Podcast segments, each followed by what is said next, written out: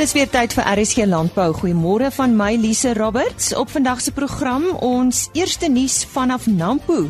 Die Welkom Volkskool was daar en uh, ons hoor van een van die leerdlinge wat sy te sê gehad het en wat sy daar geleer het.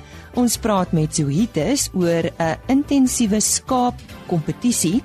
'n Afrikaner beesboer van die Limpopo vertel van sy boerdery en uh, dan praat ons oor 'n projek om die noordelike wit renoster van uitwissing te red. Ons gaan kuier eerstens ver oggend daar in die Limpopo en ons sluit aan by Henny Maas. Ons gesels nou met Pieter van der Walt van die Wegdraai boerdery uh, by sentrum in Limpopo en ons praat met hom oor uh, Afrikaner beeste. Hoe lank boer jy al met Afrikaner beeste, Pieter? Jong, ek is nou 76 jaar oud en die beeste was maar daar toe ek klein was. Ons boer maar 'n leeftyd leeftyd of of 'n paar leeftye want my oupa het ook maar met hulle geboer. Uh as 'n mens vir jou nou moet vra hoe moet 'n goeie Afrikaner bees lyk? Like? Wat sê jy sê? Kom ek kom ek stel dit vir jou so. Ten eerste moet dit 'n suiwer bees wees, so suiwer as moontlik, nie 'n uh en visiebees of of 'n basterbees of so wat hulle deesdae Afrikaner noem nie. Hy moet hy moet suiwer wees. Dan moet hy voldoen aan al die rasstandaarde. Dit is vir my belangrik. Uh dis ons trots want ons teel ons eie beeste. Dis nie 'n Amerikaner of 'n Frans of 'n 'n Latyn wat hierdie bees geteel het nie. Dit is ons eie boere wat hom ontwikkel het en geteel het uit niks. As jy na die ou foto's kyk, sal jy sien hoe het hy verander deur die tyd. Goed, en dan moet hy as hy al hierdie eienskappe het, dan moet hy natuurlik daarbey funksioneel doel, doeltreffend wees. Uh die koeie moet gereeld kalwe. Uh maar ek is nie so streng daarop soos ander mense nie. Want 'n Afrikaner koeie, suiwer Afrikaner koei weet goed genoeg wat wat voor lê en wat verwag as hy ontydig kalwe. Met ander woorde, jy moet nie probeer slimmer wees as jou koei nie. Dit is wat ek eintlik probeer sê. En so boer ek nou maar volgens die natuur. Uh ek boer nie wetenskaplik nie, ek boer maar uh, saam met die natuur en soos die jare maar met droogtes en met reënjare afgewissel word. En ek het goeie sukses tot sover daarmee behaal. Uh die koei moet moet funksioneel doeltreffend wees, hy moet gereeld kalwe ek slaap twee twee kalse gee 2 jaar. As hy nie kalwe in 2 jaar nie, dan word sy uitgeskoot uitgeskot en die rede is hoekom ek so lank termyn vat. Uh vroeër jare was die wetenskap ook hier in die Bosveld, maar ek is nou nie heeltemal teen die wetenskap nie. En die ouens het baie wetenskaplik probeer boer. Koeie en verse wat nie gekalwe het nie, is uitgeskot. Tot om Martiens nou een môre vir ou Jantjie sê, gaan haal vir ons die koeie wat nie gekalwe het nie, laat ons hulle van disie toe vat. Toe sê hy vir my oupas, ons het al die, die laaste koeie al laas jaar verkoop. Daar is nie meer koeie nie. Nou ja, dit is maar soos wat dit gaan in in hierdie Noordwes Limpopo se bosveld. Ons het meer slegte jare deesdae as goeie jare. En dan kan jy nie 'n koei kwaliek neem as hy nie is hy nie 100% gereeld kalf nie. En ek het nog altyd met die kalvers wat ek aangekry het, het ek kon deurkom en ek het goed gedoen met hulle dink ek tot sover. En, en wat van die bulle? Kom ons sê die die die bulle moet ook maar aan al die rasstandaarde voldoen. Hy moet nie te swaar wees nie. Bulle van ons het ons het bulle gehad wat tot 1230 kg geweg het. Eh, ons het nou nog een van daai swaar bulle uh, wat ek wat ek met sukses gebruik, maar dis nie heeltemal ideaal nie. Ek sal sê so tussen 800 en 1000 kg is 'n is 'n ideale bul vir hierdie wêreld wat ek in boer. En ja, hy moet ook maar aan al die rasstandaarde voldoen en en hy moet vrugbaar wees en hy moet sy ding kan doen. Ja, jy het al daarna verwys. Dit dis 'n baie harde wêreld nê nee, vir beesboerdery. Ja, ja, dis nie 'n maklike wêreld hierdie nie. Ons het nou 3 jaar in 'n ry het ons hier droogte. Ek weet nie Karoo en in in ander dele het hulle langer as 3 jaar. Uh maar by ons gaan dit moeilik as jy 3 jaar droogte het. En en wat maak jy as jy nou droogte het? Hoe hanteer jy die beeste dan? Ons kom tot sover kon ons nog veiding hier te huur kry. Ons tradisionele uh, veiding was eintlik nou in die in die Kraasberge gewees en in die omliggende omgewing. Uh maar dit het nou parke geword intussen tyd, uh nasionale parke en ons kan nie meer soontoe gaan nie. Die kring word al nouer getrek om die, vir die uitkoms van die beesboer hierso. En uh ons kry nog so hier en daar bietjie veiding te hier. Ongelukkig het die uh, die wildbedryf nou veroorsaak uh laat omtrent al die plekke wat jy te hier kry het blou hulle beeste op. En nou ja, almal weet dit gee beeste maar snotsiekte. Daar het 'n tyd gelede 'n storie geloop dat Afrikaner beeste nie snotsiekte kry nie. Dit is dit is nie heeltemal waar nie. Uh hy kry miskien in 'n baie mindere mate as uh oorseese rasse snotsiekte, maar hy kry dit wel ook en en dan kan jy nie daai daai plek hier by die ou nie. Sy vol wille beeste is, hy sê vir jou hier ek kon plekke gratis kry by die ou my niks wou vra vir die veiding nie. Pragtige mooi veiding, maar daar loop 'n klomp wille beeste en ek kon net dood eenvoudig nie daai kans vat om daai veiding te benut nie. Ja, jy het gesê die Afrikaner beeste is 'n eg Afrika bees. Waar kom hy eintlik vandaan? Uh ek was nie by toe hy gekom het nie. Maar die die die die die, die slimmer ouens beweer dat hy uit Asië uitkom en maar so aangekarring het hier deur Afrika totdat hy nou uiteindelik aan die suidpunt beland. Ek dink nie hulle weet ook alles nie, maar ons mense het hom maar hier gekry. Jan van Riebeeck het hom maar hier gekry toe was hy nou reeds in die in die Kaap gedeelte van die land gewees. Uh, en mense kon seker sien daai tyd al dat dit 'n Afrikaner besig is met die weglê horings, nee. Nie nie heeltemal nie. Hulle het nie gelyk soos nou nie. Kyk in, in 1912 het hulle die standaard van volmaaktheid neergelê. En dit is baie interessant daai ou manne met die lang baarde het 'n standaard neergelê en hulle daarvolgens begin teel.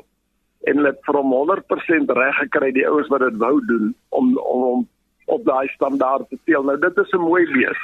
Die ouens is nou baie lief sekere van die van die hedendaagse manne wat met Afrikaners boer om om die grootvader se naam te gebruik en te sê die wonderlike bees wat hy aan ons gegee het. Uh, ek dink hulle is verkeerd. Hy het nie aan ons so 'n wonderlike bees gegee nie.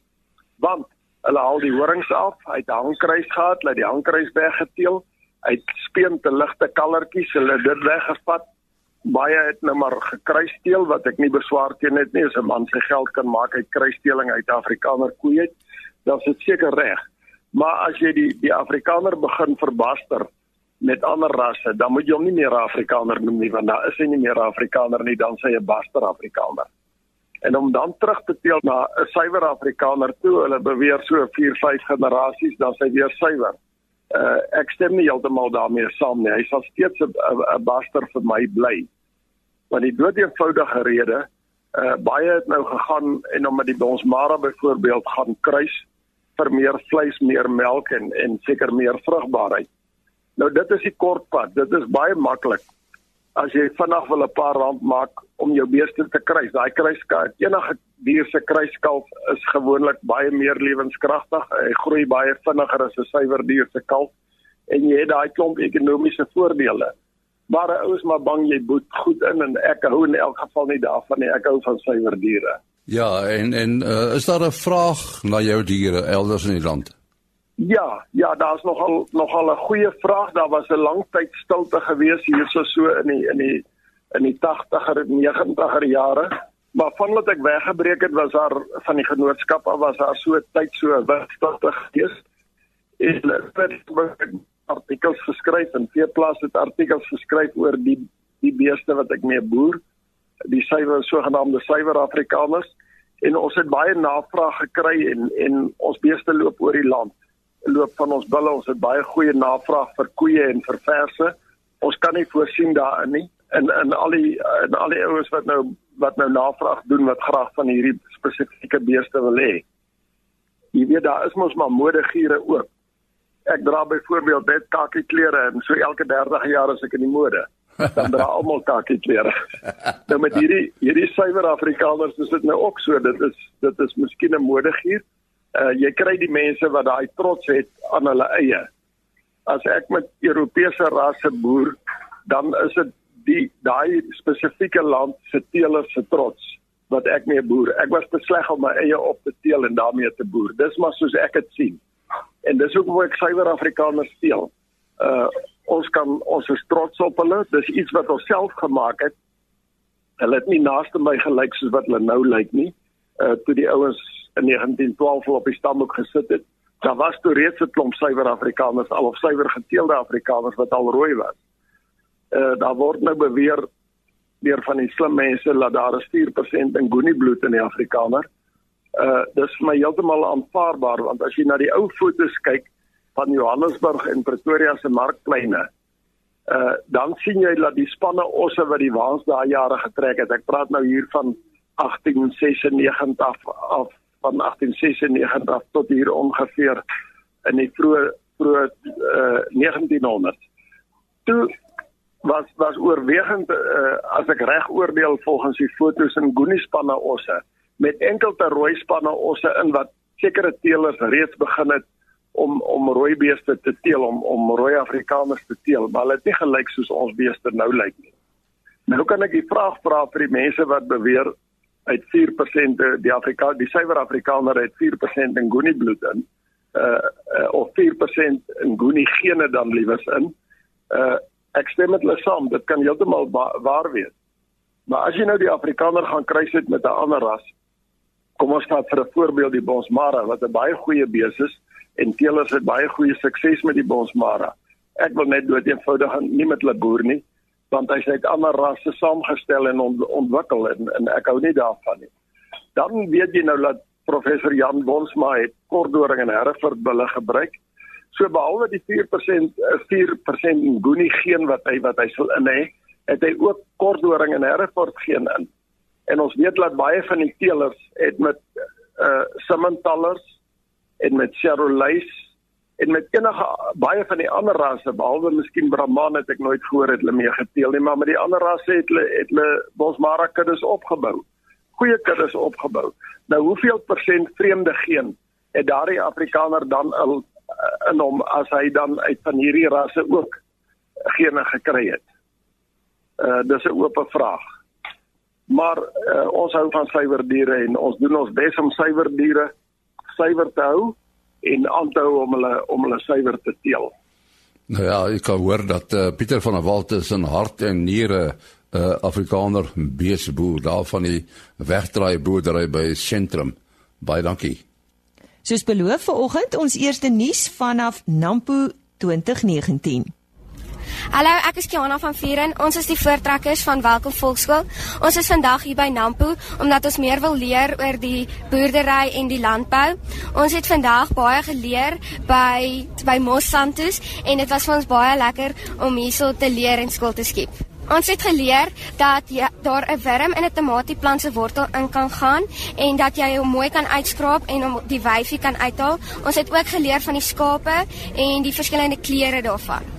Dit was 'n lekker stem daar van Kiana van Vieren van Welkom Volkskool wat ons vertel het van hulle besoek aan vanjaar se Nampo. Chris Derksen staan gereed met ons nuutste vleispryse vanaf veilinge daar in die Noord-Vrystaat en eh, die datum van hierdie veilinge was Dinsdag 21 Mei. Pryse bly maar onder druk, hoofsaaklik omdat dit die volop tyd van die jaar is en ons hoop hulle sal stadig aan verbeter as die winter begin knyp hier by Augustus maand. Ek gee vir julle die presiese pryse. Speenkalvers onder 200 kg het gegaan vir R29.97. Van 200 tot 250 kg R27.21 en oor 250 kg R26.33. A klasse R24.07, B klasse R19.23 C-klasse vetkoeie R18.13 en ons moet onthou hulle was vroeër vanjaar oor die 20. Skaat C0 tot C1 maar koeie het gegaan van R15 na R16.60 en slagbulle R20.05. Vanaf die skaapmark stoorlammers R37.91, slaglammers R29.94 stoorskape R26.51 en vetskape R25.11. Boerbokke het lammetjies gegaan vir R35.12 en ooe R27.56 per kilogram. En soos altyd, indien ons enige verdere hulp kan gee, skakel maar enige tyd na 08280 75961. Baie dankie.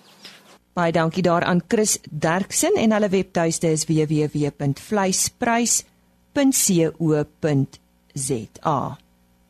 En nou gesels Henny Maas met Zoetis. Ons het uh, in RC landbou al baie gesels oor uh, intensiewe skaapboerdery. Nou daar's 'n interessante kompetisie wat op die oomblik uh, loop en ons praat met uh, David Himan. Hy is die bemarkingsbestuurder van Zoetis. Vertel ons 'n bietjie van hierdie kompetisie, David. Uh, Môre en ja, ehm um, dis die kompetisie wat nou vir sy tweede jaar aan die gang is. Uh, verlede jaar was hy afgeskop en in samewerking met met die Mamre intensiewe lamstelsel Universiteit van die Vrystaat en dan natuurlik Veeplaas. En uh, verlede jaar was ons almal 'n leerskool. Dit was 'n nuwe kompetisie en hierdie is nou die tweede jaar. Kompetisie is weer oop. Mense kan begin inskryf. Daar is al 'n paar wat ingeskryf het. En uh, dan vat ons hom van daar af. En en wat is dit wat nou eintlik beoordeel word? Ja, en nie, um, hierdie kompetisie is nie daar om te kyk wie die beste lampersentasie of die mooiste lamhokkies en so nie, maar om die groter prentjie van intensiewe skaapboerdery te beoordeel. En daar kyk ons byvoorbeeld ehm uh, van hoe hoe behandel hulle vir hulle siektes van hierdie skape? Wat is die lam en speen persentasie? Ehm um, ons kyk na watter van hierdie boere se hokkies of patente wat hulle het kan ons aan ander boere laat laat kyk hoe hulle dit kan gebruik op hulle plase en so met die groter prentjie kyk ons regdeur van die begin tot die einde waar die lammers verkoop word uh, hoe wat die boer anders doen. Ja, dit dis 'n praktyk wat uh, in gewildheid toeneem, né? Nee? Uh, definitief vir die laaste paar jaar ja, definitief nie. Wat sou jy sê is die drywers daarvoor? Ek dink van die daar's die die die ehm um, skaapproduksie in Suid-Afrika lê verskeie van uh, onder die winsgewendheid van die ehm um, ekstensiewe skaapproduksie in Suid-Afrika bly bly weens verskeie faktore onder druk. En ek dink van die vernaamste probleme hier is die stygende insetkoste, predasie en dan veediefstal wat 'n rol speel wat boere daartoe druk om meer intensief mee te boer. Hoe werk dit presies? Uh, mense moet inskryf en wat mense gebeur dan? Mense kan inskryf, um, hulle kan vir ons 'n e-pos stuur vir my of vir dokter Frikkie Marie by die universiteit. Ek sal die detail nou gee. En dan die sluitingsdatum is die 30ste Junie, waar dan daarna sal die plase besoek word en dan die, die wenner word bekend gemaak tydens Alfa um, in September maand in Parys. Goed, eh uh, kan jy miskien dan net besonderhede gee wat die mense eh uh, kontak kan maak? Hulle kan vir David.Himan uh, @zoetis.com 'n e-pos stuur en aanvra vir 'n vir inskryfvorm of dan vir marefa@ufs.ac.za. Dis Dr. Frikkie Maree se e-pos. Net weer jou e-pos? Uh, David met 'n V D A V I D.himan@zoetis.com. Baie dankie David Himan, bemarkingsbestuurder by Zoetis. Die manne van die Dio sanggroep DZL, Andries Potgieter en Wian Fourie het op 2 Mei 'n nuwe projek van stapel gestuur wat die kollig plaas op navorsing om die noordelike witrenoster van totale uitwissing te red. En ek gesels nou juis met uh, Andries Potgieter hieroor. Andries, ja, ons het uh, lanklaas gesels. Ek kan onthou ons het so omtrent 'n jaar gelede ook met julle juis oor eh, 'n uh, projek gesels om uh, uh te fokus op die bewaring van hierdie renoster verfris net weer ons geheue. Hoe bedreig is die wit renoster? Die die um, ons praat hier vandag van die noordelike wit renoster en hy is so bedreig dat ek jou kan sê daar's net 2 in die hele wêreld hoor. Toe ons laas met jou gepraat het was daar 3 en dit was die een bul Sudan wat wêreldwyd bekend is. Hy is 'n groter celebrity dink ek as die meeste van die mense in Suid-Afrika. En ehm um, hy het twee koeie gehad en ehm um, Sudan is verlede jaar is hy ehm um, oorlede. Hy was 45 jaar oud. So ehm um, daar's nog net die twee koeie oor van die noordelike witrenoster. En hulle het sulke mooi name ook, né? Hulle het, hulle het ongelooflike mooi name. As ek dit vir jou met ehm um, uitspreek oor die radio gaan die mense dink ek vloek hulle, maar dis ongelooflike mooi Afrikaname.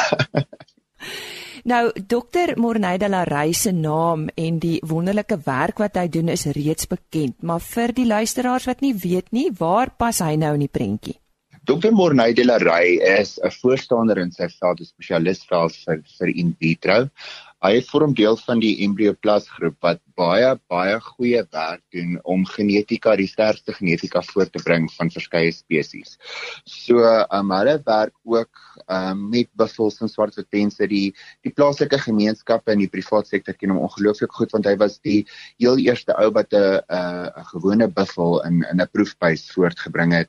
Um hy's hy's ongelooflik ongelooflik intelligent en sy werk nou presies is om hierdie noordelike witrenoster wat eintlik reeds uitgesterf is omdat hy nou nog net die twee koeie oor het.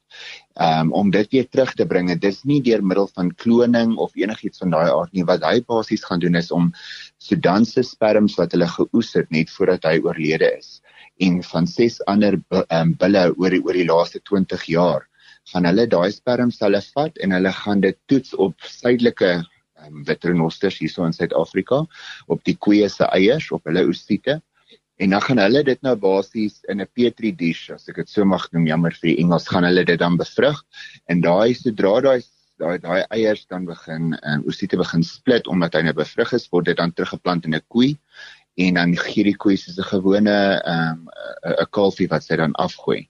As hulle daai proses nou ehm um, deursien, gaan hulle dit dan herhaal met Sudanse sperre met die twee noordelike witrenoster koeie.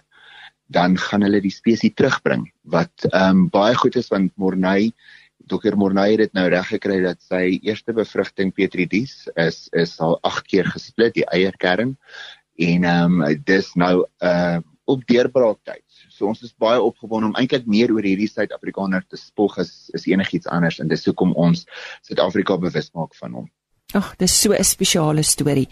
Die oorblywende twee wit renosterkoeie, waar is hulle nou woonagtig? Hulle woon in Kenja. Dit is dis waar hulle um, oorspronklik van voorkom. Ehm um, hulle is is is ongelooflik anders. Almal dink altyd 'n wit renoster en 'n swart renoster is die enigste twee renosters. Ons almal weet hulle jy kry jou Sumatras en jou in, uh, Indian uh, renosters, maar daar's 'n gewone wit renoster in Afrika wat ook verskil. So die noordelike wit renosters het meer 'n hyena tipe lyfbou, so sy lyf agter skaal af met 'n snaakser krom agterbeen en teenoor die witrenoster wat in die suidelike halfrond voorkom. So ehm um, hulle is twee verskillende diere en alhoekom Suid-Afrika betrokke raak is omdat ons ons renosters nodig het om daai twee renosters te red. Andries, hoe wyd word navorsing gedoen om met 'n oplossing vorendag te kom?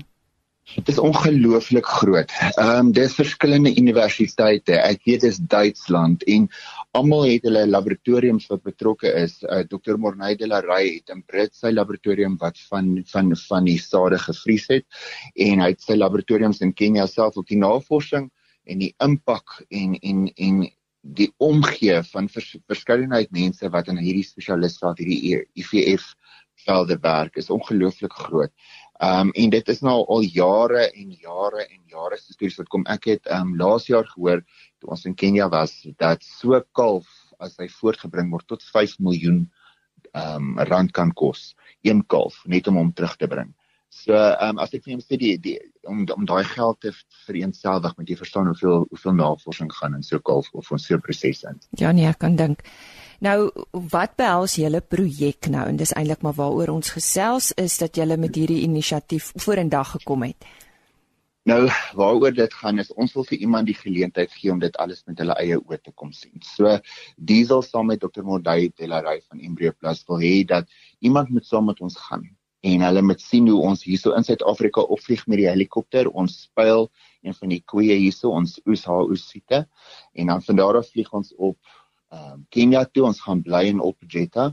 Dit is die groot natuurbewaringseenheid daai kant waar hierdie laaste twee noordelike witrenossers in voorkom en ons gaan bly 7 dae daar ons gaan wys vir een van ons Suid-Afrikaners hierso hoe en hoe ongelooflik ehm um, uiteenlopend is hierdie projek sodat mense dit self ook met hulle eie oë kan sien en verstaan. So ons het eintlik vir die, iemand 'n geleentheid net om saam met ons te gaan kyk wat se werk dit alles behels om hierdie renosters terug te bring. En ons wil dit vir iemand gratis gee. So ons betaal hulle vlugte, ons betaal hulle etes, ons betaal hulle hulle hulle aktiwiteite. Alles alles en alles en alles alles behalwe hulle persoonlikhede. Die res is alles gratis. Ons ons wil iemand 'n geleentheid gee om dit alles met hulle eie oë te kom sien om te kyk hoe bringe mense spesies terug Ja, so dit is nou 'n kompetisie waarin ons luisteraars kan deelneem en vir meer inligting waar kan ons eh, dis seker op 'n webtuiste is dit die beste om te gaan kyk? Ja, die beste is maar vandag lewe almal op sosiale media, so ons het op op ehm um, DZL se bladsy dit jy jy's al dit soos wat jy dit uitspreek DZL so dit is op DZL op op op alle sosiale media platforms dit is op Instagram en op op Facebook kan mense al die uitsetting van van die kompetisie plus aan alles wat dit behels is daarop uiteengelê. Dan kan hulle daar vir ons basies net 'n motiveringsbrief stuur. Is een simpel een bladsy lange brief wat hulle vertel hoekom hulle dink Dr. Morney de la Rey se werk so ongelooflik belangrik is nie net vir die noordelike witternoster nie, maar in die toekoms vir ander spesies ook, hoe ons hulle kan terugbring. Andries, uh, so dit is as ons nou 'n gewone webtuiste uh, besoek, is dit www.dzl.co.za of is dit .com byvoorbeeld? Uh, uh, DZL band, dis D A N D.co.za. Sê vir uh, Andries 'n potgieter baie dankie. Kom ons herhaal net daai webtuiste. Dit is www.dzlband.co.za en soos hy gesê het, hulle is ook op uh, ander sosiale media. Soek net uh, onder DZL en uh, ek is seker daar's baie van ons luisteraars wat graag hierdie opwindende uh, ervaring wil meemaak. En nou nog 'n bydrae vanaf Nampo en uh, ja, so iets oor 'n uh, dier wat nie so bekend is in Suid-Afrika nie. Uh goeiemôre. Um my naam is Dietmar, ek is van Alpaca Loom. Ek staan hier vandag op uh, Nampo uh, met my produkte van ons alpakas. Um ons is een van die grootste alpaka boere in die land. Ons het so 350 van hulle en ons uh, kom van ver af van die Parel. So ons het in 2004 begin met met alpakas boer. Alpakas kom oorspronklik van Suid-Amerika af en hulle is die klein broer van die lama. So hulle is geteel vir die wol en hulle hulle het een van die beste wolle wat 'n mens kan kry, beste natuurlike veelsels op die wêreld. Hulle is baie warm, baie sag. Hulle is uh om by soos cashmere, maar die mooi ding van hulle hulle het um 12 verskillende kleure ook. So uh, ons maak produkte van hulle uh, wol. Ons het 2004 begin met 'n paar alpakas wat ons gekoop het op 'n landbouskou en toe soos ons uh, kudde gegroei het, het ons begin die wol te verwerk.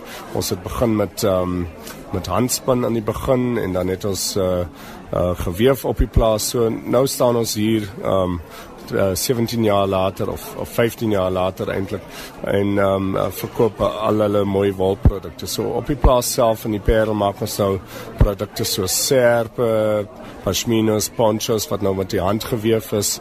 Ehm um, ons vervaardig uh, kombers uh, ons um, wil ook nog in die toekoms matte maak. Ons het 'n projek waar ons uh, dames het wat vir ons hekel en brei so Ons het ook ehm um, ehm um, produkte soos uh, beanies, mittens, uh sulke goed wat wat nou klein goedjies is wat wat uh met die hand vervaardig is. En ehm um, op die plaas self het, het ons 'n mooi koffie shop waar mense diere kan sien, waar jy petting zoo het, um, waar jy aktief kan wees met die diere self ook, waar jy diere diere self uh kan leer ken want oorsee word hulle nou in in in terapie gebruik so uh, terapie vir gestremde kinders. So hulle is baie nice diere. Hulle is baie oplettend. Ehm um, ehm um, so hele paar boere wat hulle ook uh, in in in hulle kuddes uh, skaapkuddes gebruik om nou teen jakkals en rooi katte te beskerm. So dis dis baie interessante, baie nice, baie ehm um, intelligente diere wat wat ons het. So as jy wil, ehm um, kan jy graag vir ons in die Parel kom kuier. Ons is uh, naby Spice Route in Fairview. So as hulle die alpakas wil leer ken, uh, kan hulle graag verbykom daar. Baie dankie. Dit was aan Dietmar van Alpaca Loom. En soos hy gesê het, hulle is daar in die Parel omgewing geleë. Dit is tyd om te groet. Onthou, ons is nou eers weer maandagooggend 05:30 terug met nog 'n aflewering van RSG Landbou en volgende week het ons baie nuus vanaf Nampo 2019. Rustige naweek vir u en totsiens. RSG Landbou is 'n produksie van Plaas Media. Produksieregisseur Henny Maas. Aanbieding Lise Roberts. En inhoudskoördineerder Jolandi Root.